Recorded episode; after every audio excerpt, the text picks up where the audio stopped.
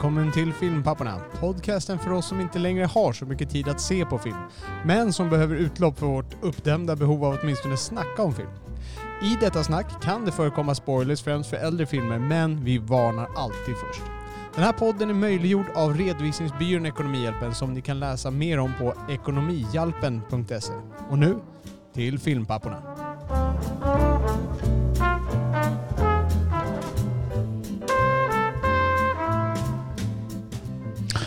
Ja, jag heter Oliver.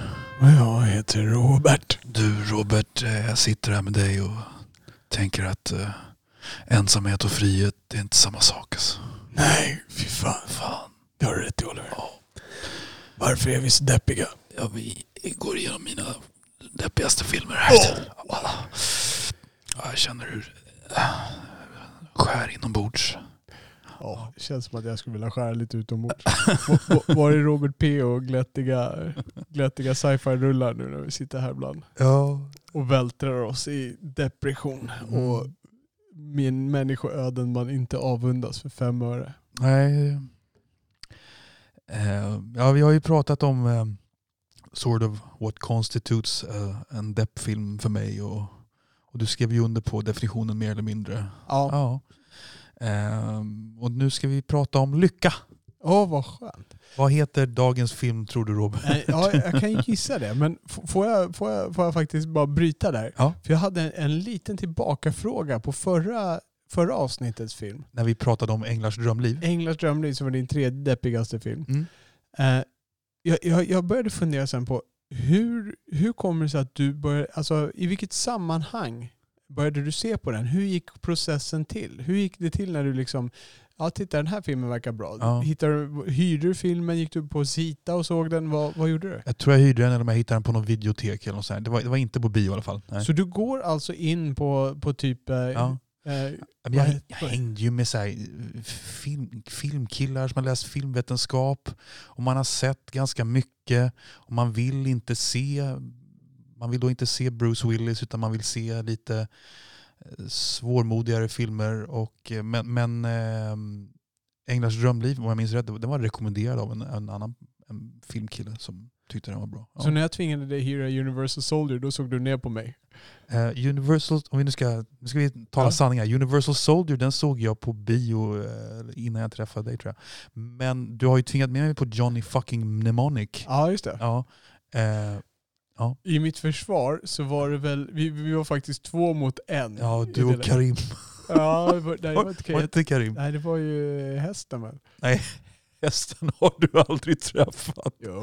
Nej, nej, nej, nej. nej. Jo, jo. Nej, nej, nej, nej, nej. Det var inte hästen. Nej okej, den andra, han som var tokig. vi kanske ska nämna namnet på. Ja, just det, ja. du vet, ja, just det, häst. Fan, shit. Nu, ja, jag, Jag jag, jag, känner en kille, ja, jag känner en kille via Karim som faktiskt kallades för hästen. Ni kan ju ana varför. Ja. Ja. Han så stora tänder. Ja.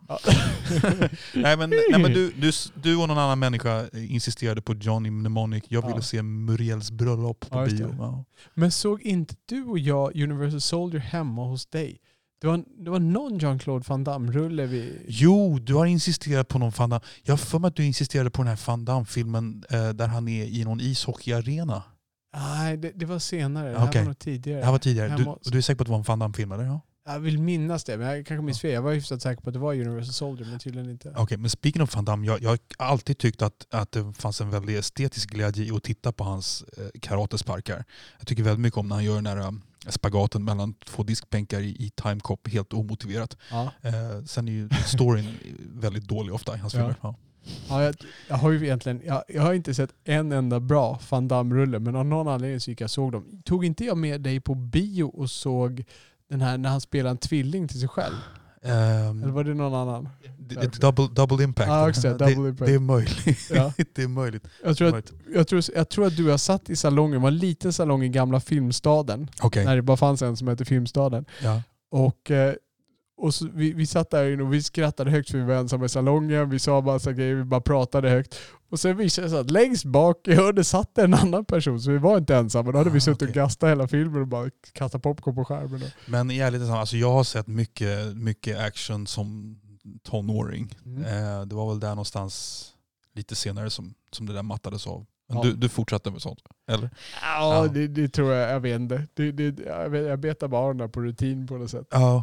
Ja. Jag har inte så jättemånga actionfilmer jag tycker är så jättebra. Men jag har tänkt på det faktiskt Robert, eh, på din och min filmsmak. E- Egentligen så tror inte jag att vi har så jädra olika filmsmak. Det handlar mest om vad man ger filmer för chans, eller hur? Att man tar sig samman och ser en jädra film, Ja. eller hur? Jag tror att jag sitter och ser massa filmer som jag inte förväntar mig ska vara särskilt bra. För att jag, jag får någonting utav det. Sådana här filmer som actionrullar. Ja. Eller, det tittar jag inte på så mycket längre, men jag kan ta fram sån här B-fantasy-rulle som jag vet jag kommer ge den här 4, 5 6 på IMDB. Liksom. Ja. Eh, Men jag ser det hellre än, än liksom någon av de här rullarna som, Ja. som vi har, du har lagt fram för mig nu. Där jag faktiskt har gett en del eh, ett eh, hyfsat högt betyg i alla fall. Ja. Som det kommer visa sig. ja. Nej, vi ligger nog inte så långt från varandra egentligen. Nej. Det är nog mer vad vi väljer att spendera vår tid på. Men det här då som är min näst deppigaste film, det är ju med en av våra gemensamma favoritskådespelare bland annat. Ja, Nämligen det. Philip Seymour Hoffman. Philip Seymour Hoffman. Och filmen heter Lycka på svenska, vad heter den på engelska? Happiness. Happiness. Regissör eh, Solons... Todd Solondz. Todd Solons. Och då är det Solons med Z på slutet. Precis. Konstig variant. DZ. Eh, och det här är ju eh, en ensemble piece får man säga. Det är ganska många karaktärer det handlar om. Och livet är ganska miserabelt för alla skulle jag säga. Och vi kan ju avslöja att det här är den enda amerikanska filmen på din topp tre. Det här är enda Hollywood-rullen. Precis, vi, hade ju, eh, vi har ju några andra Todd Solondz rullar som är deppiga men det här är den enda som kom. Kan du Kom igen. nämna lite andra filmer av Todd Solons? Eh, ja, men jag har ju den här Palindromes som jag gav upp på. Sen har vi en som heter Welcome to the Dollhouse. Som blir hans genombrottsfilm från 95. Eh, och en orsak till att jag blev så deppig av Palindromes är att man, de gör en liten uppföljare på Welcome to the Dollhouse. Och Welcome to the Dollhouse slutar med att man liksom tror att den här tjejen hon har världens jävla skitliv. Men hon kämpar, det kanske går bra. Och sen så inleder de med hennes öde i Palindromes eh, som är deppigt. Och sen är hela filmen deppig. Eh, ja, tills jag gav upp då. Eh, Ja. Sen har han gjort en, en, en mer lättsam depprulle som faktiskt är riktigt rolig. Den kan jag se på utan att bli deprimerad. Och den heter, eh, vad fan heter den nu då? Den har två installments. En med, med Selma Blair, heter hon det? Hon är mörkhåriga. Jag tror hon heter Selma Blair. Eh, som har en eh, historia med en universitetsprofessor som undervisar henne i litteratur. Och, han Okej. är så här, eh, och sen så har det, är det en hemsk familj som, som bossar runt en, ett mexikanskt hembiträde eller vad det är. Med John Goodman. Vad fasiken heter den här filmen? Den heter Storytelling. Ja, just det. Storytelling. Den- ja, just det. Den är kul. Har du sett den? Nej? Nej, jag har inte sett den. Nej. Men jag vet vilken film det är. Jag kan Ja. se planschen framför mig. Ja. Eh, det är de jag kom på. Han har gjort ganska många deppfilmer. Sen har han gjort en, en depp eh, uppföljare till den här med andra skådespelare. Uppföljare till Happiness. Ja, Som heter Life During Wartime. ja, Ja. Det, det, det läste jag någonstans att det, att det var en eh, uppföljare Mm. till det. Ja. Den har jag faktiskt inte sett. Nej. Eh, men eh, vill du summera eller ska jag läsa en liten summering här på IMDB? Nej, jag, jag, kan, eh, jag kan gärna summera den här. Det, det är ju lite... Den här filmen är från samma årtal som den förra filmen. Just det, Från Englands drömliv. Den är från 1998. stämmer. Och det, är, det känns som att det kommer lite i den här shortcuts-vågen. När Ja. filmen skulle vara så här äh, fem olika livsöden och så syr man ihop det. Det kom en uppsjö av dem på 90-talet. Ja, Och jag, jag skulle nog vilja, även om de inte var lika deppiga som den här är, så skulle jag nog vilja slänga in den i samma korg på något sätt. Ja. Det är samma typ av berättarstil Ja. på det sättet. Uh, och det, det är då flera olika livsöden. Vi har ett där det är en uh, Philip Seymour Hoffman är Andy, tror jag han heter. En man som uh, bor ensam och uh, som har Han åtrår Lara Flynn Boyle som är en granne Som i en samma korridor. riktigt snygg isdrottning som bara är väldigt avvisande mot honom. Exakt, han Ja. ser henne i hissen och sånt där. Och han har lite sexuella problem och det kommer vara ett genomgående tema det här kan jag säga. Ja. Han sitter och onanerar till, eh, han ringer upp folk och onanerar och, och pratar snusk liksom med dem. Eh, och Och han kommer att ringa till Lara Flynn Boyle. ja, eh, lite senare så gör han det. Ja. Så det, det är det ena livsödet vi följer. Sen har vi en, eh, Vi har en eh, psykoterapeut som är pedofil, som brottar med sina pedophile urges. precis. Eh, han är Man gift. ser honom gå, tidigt i filmen, han går in och köper en tidning eh, med, med någon ung kille på framsidan och Ja. går ut och onanerar bak i bilen. Mycket onani i den här filmen kan Ja, fantastiskt bra skådespelare som heter Dylan Baker. säga. Fantastiskt bra. Ja. Och ja, vi kommer med Ja. det. Och han är då gift med en, en kvinna som spelas av Cynthia Nixon. Tror jag att hon heter, förlåt nu säger jag fel. Cynthia Stevenson menar jag. Cynthia det. Nixon är hon från Sex and the City. Ja, Det här är. Cynthia Stevenson. Hon är ju sån här klämkäck eh, suburbia mom i någon villaförort. Precis. Och det, de, de har en till synes ganska lycklig familj. Han har en son som är kanske tio år gammal eller Ja. någonting sånt där. Eh, och Och sonen en är, är lite är ganska miserabel och... Ja. Nej, han är lite normal. Han har glasögon och är lite småtjock och i Han USA är är, här- man då han- eh, ja. inte populärast men han, han har polare och Ja. sådär. Han verkar inte vara så farligt. Men han knackar lite på pubertetens portar. Ja, och han, eh, han pratar mycket onani med sin pappa. Återigen onani, Ja. vi bara har er filmen. Nu, inte onani Ja, på papporna. Han är, han är olycklig för att han inte har, kan ejakulera. Exakt. Ja. Eh, så att han håller på att prata med sin far. Och hans far är väldigt rak. Jag vet inte om det kommer då som psykoterapeut eller någonting. Han pratar rakt på sak, Ja. öppet och... You want me to show you? Ja, exakt. Ja. Ja. Eh, och sen då eh, så har du eh, Ben Gazzara är med.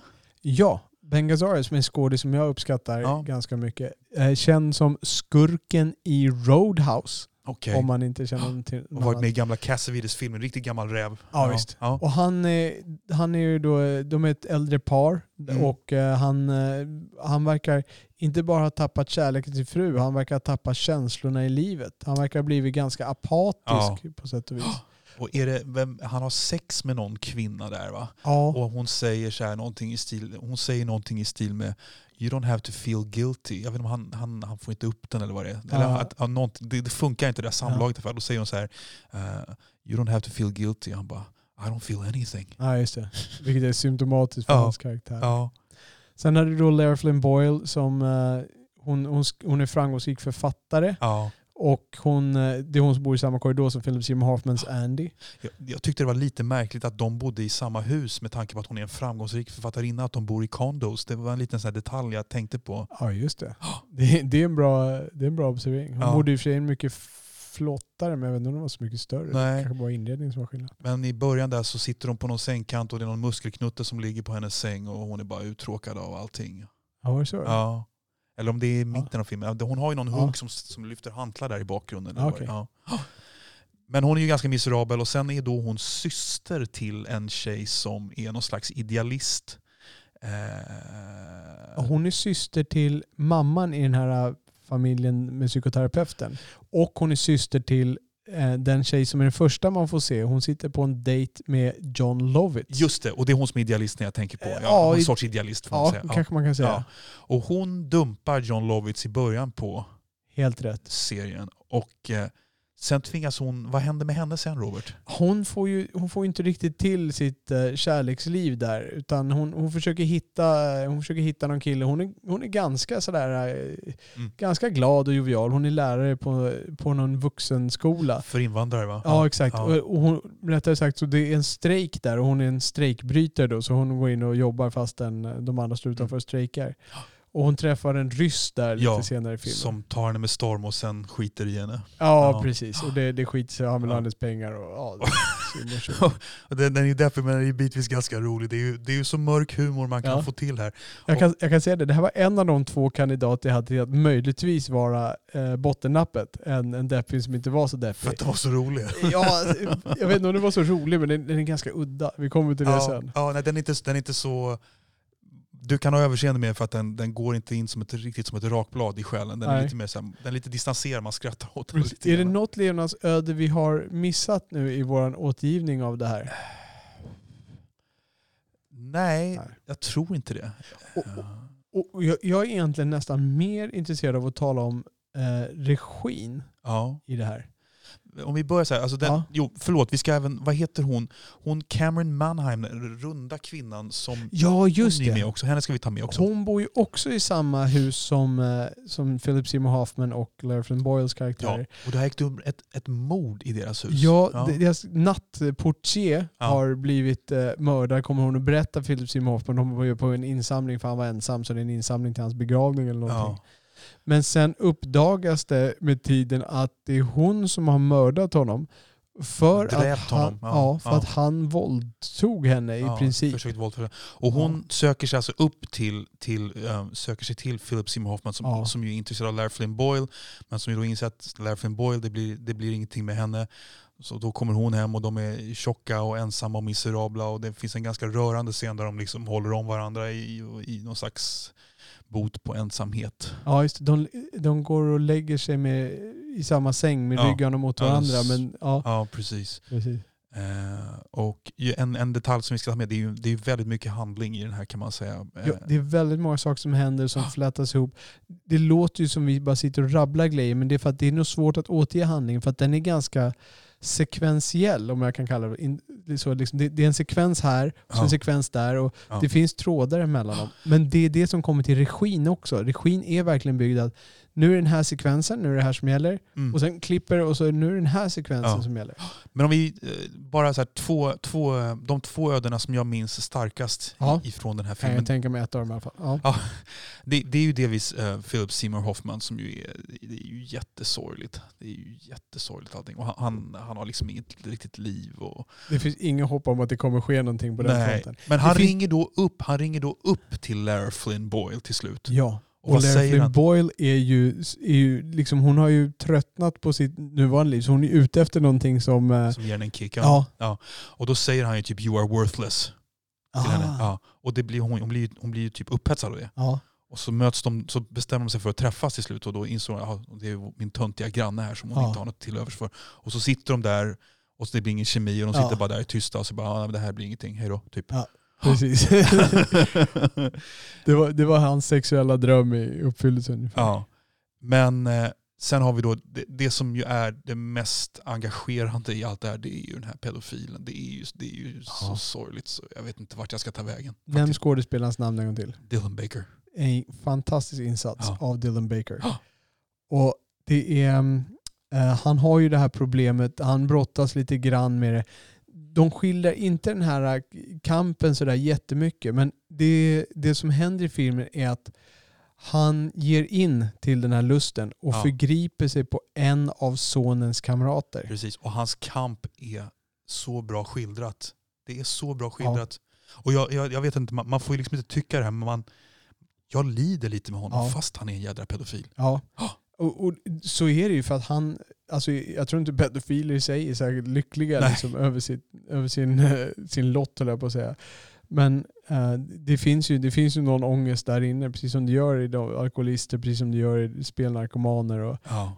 de är ju missbrukare på ett sätt. Ja. Och, och man kan ju kliva in i deras känslomässiga kläder även om det är avskyvärda grejer de gör.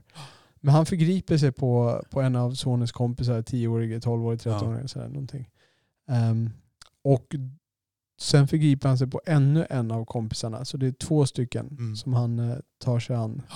Och sen så kommer då ryktena upp i killens skola. Ja, eh, precis. Först uppdagas det när de märker att han, han blöder när han bajsar, den här ena Ja. kompisen då, och han kräks och Ja. sådär. Eh, och, då, eh, och då börjar de förstå vad som har hänt och då börjar ryktena komma. Någon klottrar på deras fasad och Ja. polisen kommer och börjar ställa frågor. Och sen har vi en, en scen där sonen frågar honom rakt, rakt ut. Ja, och den här scenen, Ja. alltså hela filmen gick upp en hel stjärna för min del på den scenen. Ja. Det är en fantastiskt stark scen. Det är alltså en pappa som sitter med sin son och sonen liksom, det det är en väldigt rak dialog. Ja. Det är raka frågor, men de är inte orealistiska. Eh, liksom, utan sonen ställer sådana här frågor, liksom, har du gjort det här? Vad gjorde du med honom? Och, och farsan han svarar rakt ut, helt där. Eh, alltså den scenen är så jäkla stark. Den är så jäkla bra gjord. Ehm, resten av filmen är inte dålig, men den scenen stiger upp ovanför allt annat. Den, den lyfter den här filmen Ja. till en annan nivå. Och sen så frågar sonen honom då, vad skulle du göra, skulle du göra med mig? Ja. Och då svarar han typ, no I would jerk off instead. Ja. Helt superärligt. Och det här att det är superärligt, det känns inte heller orealistiskt för det, det har varit hans karaktär hela tiden i alla lägen. Ja. Liksom. Ehm, och det är regin i den scenen är också fantastiskt bra. Ja. Den, den där är en scen som är svår att fånga och det, den här kill, man får inte glömma killen som spelar sonen. Jättebra porträttering av honom också. Mm. Alltså sättet han spelar på. Så det är en eloge till regissören, till pappan, till en Baker då, och till sonen Mm. eh, i skådespelarinsatserna där.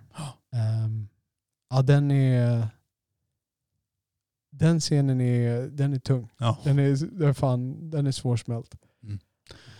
Och sen då om vi ska gå vidare lite i handlingen då så då, eh, han blir förhörd Ja, och de arresterar honom. ja. Ja. Och familjen börjar braka samman. Liksom. Det är tyst vid, vid det tidigare glada frukostbordet. Liksom. Och vem, vem är det som flyttar hem till vem? Eh, det är hon, mamman flyr och det är, då, det är hon som är syster då, mamman i familjen. Ja. Tar med barnen och så åker de hem till eh, mor, farföräldrar, morföräldrarna och det är ju Ben Gazzara och, Precis. eh, som håller, på att skilja sig med frugan Ja, där. ja. Så att då knyts det samman alla shortcuts-stuket som man ska Precis. göra. Liksom, all Och-. Och sen finns det en väldigt rolig, äcklig slutscen där kan man säga. Vilken var det? Ja men eh, Ja, just det. den här sonen går ju ut och onanerar Ja. då på balkongen. Och han ser någon bikinibrud som håller på att smörja in sig med sololja. och så slutar det med att Ja. han då sprutar på räck, det här ribbade räcket Ja. eh, på balkongen. Och så kommer hunden in, ut och slickar upp sperman från. Och sen går hon, hunden in och pussar mamman på munnen. Ja, det, det missade jag. Eller slickar ner i ansiktet. Ja, "Ah, just ja." det. Ja. Det tänkte jag inte ens på. ja, just det. Ja, den är, Ja. det, det, är, det är bara en orgie i groteskhet det här Ja. kan man säga. Ja. Och det är ju, alltså alla karaktärerna i den här filmen är ju emotionellt miserabla. Ja. Eh, verkligen emotionellt miserabla. Cynthia Stevenson lever ju i en bubbla som Det- briserar. Det är mamman i Ja. den här familjen med pedofilerna. ja. Eh, precis. Hon, hon, hon, man märker hennes osäkerhet. Hon måste, maken måste säga att hon älskar henne varje kväll och sådana saker. Ja. Även om hon ser glad ut utåt Ja, och normal. Liksom. Ja, det är, eh, alla karaktärerna är ju emotionellt miserabla. Utom kanske den här sonen fram tills dess att han får reda på att hans pappa är pedofil. Så man kan ju se vart Ja. det barkar. Liksom. Han är väl i samma fas som många andra 11-åringar på det stora hela. Exakt. Liksom, så man, Ja. man kan väl ha lite hopp för honom. Kanske lite för öppen om sin onani och sin förmåga att komma eller inte komma. Liksom. Ja, men jag, jag såg den här på bio i, i London kommer jag ihåg. Och, ja, och jag gick ut och jag var, jag var helt spyfärdig av den här. Alltså. Ja, det var. Det, väl lite så här, äck, det är väl lite så här fysiskt äckel och att den är så deppig också. Och så. Eh, skrattade en del också men de- den är, den är så, så sjukt deppig tycker jag. Eh, ben Gazzaras karaktär är deppig, Philip Seymour Hoffmans karaktär är deppig, den här pedofilen är deppig. Alla är ju deppiga men de där tre jag nämnde nu är nog deppigast i mina ögon. Ja. Och så den där starka scenen. Ja, det, den Ja. är makalös. Ja. Det är, ja, det, vad, ja. den, den, den kommer sitta kvar. Jag, jag, kan se liksom, jag kan se klippen framför jag, jag såg den en gång och jag kan se klippen framför mig den scenen. Det, Ja. Då är det något speciellt. Alltså. Men Todd Solondz han är ju faktiskt vad man får säga en autör. Alltså han, han har ju sin egen stil, han regisserar Verkligen allt och skriver allt själv. Ja. Och allting är nattsvart. Och jag, måste, jag, hade, jag hade lite svårt för den stilen han har. Ja, Just det här sättet han klipper på, hur det går mellan. Och just det här att det finns en, eh, det finns en glättighet över det hela. Den är ju inte, liksom, den är inte riktigt så här realism, realistisk. nej, nej. Utan det är någon sorts... eh, det är inte teatraliskhet, jag vet inte vad jag ska säga. det, är svart komedi, nattsvart Ja, komedi. nattsvart komedi utan humor. Alltså utan, utan skämt eller vad man ska säga.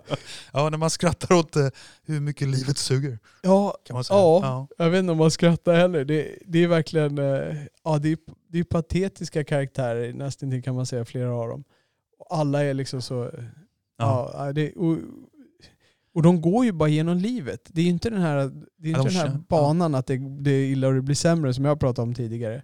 Utan det är ju liksom, de bara trampar genom livet med sina eh, tomma själar liksom. Ja. Vad man ska kalla det. Ja. Överdrivet. Och det är väldigt synd om hon den här idealisttjejen för hon har, hon har ju någon, hon har ju ett gott hjärta på något sätt. Vill hjälpa världen och hon vill finna kärleken. Och, eh, men livet är inte så snällt mot henne heller. Liksom. Men är inte hon lite grann som Issa var i Änglars drömliv som vi pratade om förra ja, jag hoppas avsnittet? det. Ja. För, för att hon, det hände ju mycket skit med henne men hon tog den då, hon löste det. Och när den här ryssen, liksom, när det vände, när han visade att han inte var någon Don Ja. Juan, Ja. utan han ville bara ha hennes pengar, ja, då gav hon henne pengar och så skrev hon av det. Liksom. Ja. Nu är det slut. Ja. Hon var egentligen ganska stark. Folk omkring henne, liksom, de pratar ner om henne som att hon vore den dåliga i det här. Liksom, att du, ing, det går inget bra för dig för du Ja. ingen kille. Liksom. Medan alla, ja du har kille men han är pedofil, du har kille men han är jock liksom, och du, du får ingen kickar och sådär. Det, Hon får ju in en ganska fin fullträff tycker jag på Larry Flynn Boyle där på slutet också. När Larry Flynn Boyle säger I'm not laughing at you, I'm laughing with you. ja.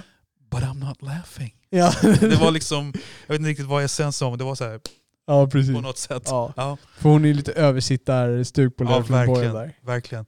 Du, tänkte du på låten eh, hon sjunger? Eh, Den här eh, idealisttjejen. Hon tar fram en gitarr och så sjunger hon ju Happiness, den här låten. Nej? Eh, Hon sjunger en låt som heter Happiness. Okej. Eh, och, Ja just det, just det, just det. och sen spelas den med bandet som har skrivit den på slutet där, som skrev den för filmen. Aha. Tänkte du på vilket band det var? Nej. Det är R.E.M. R.E.M. Ja, Okej. ja.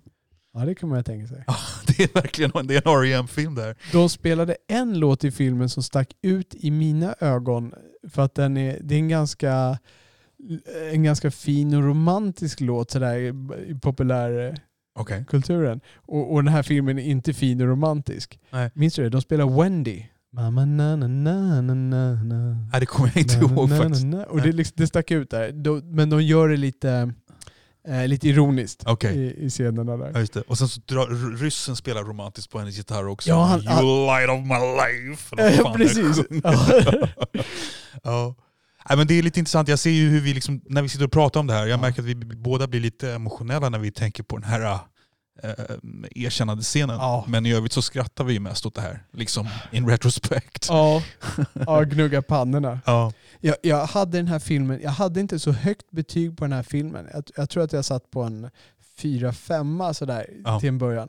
Men sen, den här, precis som Änglas drömliv, tog sig den här lite andra halvan och sen den här magnifika scenen. Jag tror jag stannade på en sexa ändå. Ja, För att, för att ge någon balans till hela filmen. okej. Eh, men den där scenen höjde upp den. Ehm, så jag har ju lite svårt, men det är just lite samma som Änglas dröm. Jag vet inte om det är ett grej i det här att det börjar ganska trist och det, det kanske börjar ganska stapplande men sen när man kommer in i de här det emotionella i de här karaktärerna Ja. så blir det ändå någon, det blir en emotionell poäng och framförallt när det är en sån stark scen. Liksom, ja, visst. med det där. Ja. Ja, det, men jag, jag håller med, den, den scenen, jag, ja, den sitter. Den sitter nog inte, I mig sitter den nog inte så mycket för det här skälet att det, är, att det är pedofili och att det är äckligt och, och förkastligt. Utan den sitter i mig för att det är en far och en son. Liksom som, Och ett brott mellan dem eller vad man Ja, ska alltså, säga. Ja. här, han inser att hans pappa, alltså hela hans illusion under uppväxt, illusion, hela hans Ja. världsbild Ja. rämnar där. Ja. Och det är så jäkla bra gjort av den här unga killen. Man ser hur hans världsbild rämnar. Han försöker hålla fast. Han försöker ställa frågorna så hans pappa kan svara så att han kan hålla kvar vid sin världsbild. Men hans pappa svarar ärligt och bara låter den rämna för han vet att det, det är det som de måste göra. Det är inte kul. Och det finns något lite... Det är helt sjukt. Ja, det finns något, något eh, nå, någonting, jag vet inte vad jag ska använda för adjektiv, men det är så talande på något sätt att den här pappan, liksom, han orkar inte med de här livslögnerna mer. Att han liksom, "Nej, jag, jag, kan inte, jag kan inte ljuga även för min son. Jag kan inte gå runt och ljuga för alla. Jag får Nej. fan, jag får fan tala- berätta sanningen för Ja, den här sonen. Liksom. Ja, han kör ju raka puckar. Det är han ju ganska filmen igenom. Ja, med, med sonen just. Ja. Ja, ja. Ja. precis. Ja. Ja, Ja. ja. Nej, det var... ehm, Ja, nej, den var... Det var tungt. Ja. Mm. Blir, du, blir, du, eh, blir, du, blir du sugen på att se fler Todd Solons filmer? Eller? Nej, det blir jag inte. Eh, om man säger så här, alla fyra filmer som du eh, tog fram till den här eh, uppskattar jag att ha sett. Ja. Eh, men det är ingen av dem jag kommer se om. Jag kommer inte söka någonting liknande. Men jag kommer inte ducka när du kastar Nej. någon sån här film på mig nästa gång. Nej. Eh, jag skulle säga att st- storytelling ehm, är hemsk men den är ännu mer åt komedi Ja, det är så. skulle jag säga. Ja. Ja. Med John Goodman. John Goodman bland annat. Det borde vara lite roligt. Ja. Han är mysig. Ja men eh, då eh, tackar vi kanske för oss här. Och, Ja, nu får vi ta en, en rolig filmfredag med en massa quizzes här. Åh, jävlar vad vi ska quizza. Alltså. Ja, Ja. Nu, nu kör vi det så att vi får slappna av lite innan vi kommer till ettan där då som ska vara den allra deppigaste. Och sen vi Sen ta går vi ner till, botten. Då går vi ner till botten. Yes. Ja, Oliver, då knyter upp säcken. Avsnittsanteckningar, länkar, klipp hittar ni på hemsidan som vanligt. Tack så mycket Robert. Tack så mycket Oliver. Ciao. Ciao.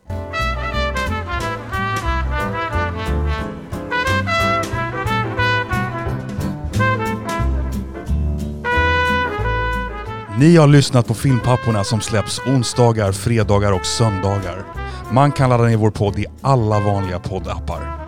Ni hittar också våra avsnitt med fulla avsnittsanteckningar, länkar och klipp vi talat om på vår hemsida filmpapporna.se. Det är där ni lämnar kommentarer till varje avsnitt med era åsikter, beröm, förbättringstips, korrigeringar eller egna anekdoter. Ni kan också följa oss på Twitter, filmpapporna. Med det tackar vi redovisningsbyrån Ekonomihjälpen som möjliggjort denna podd och framförallt tackar vi er som lyssnat. På återhörande.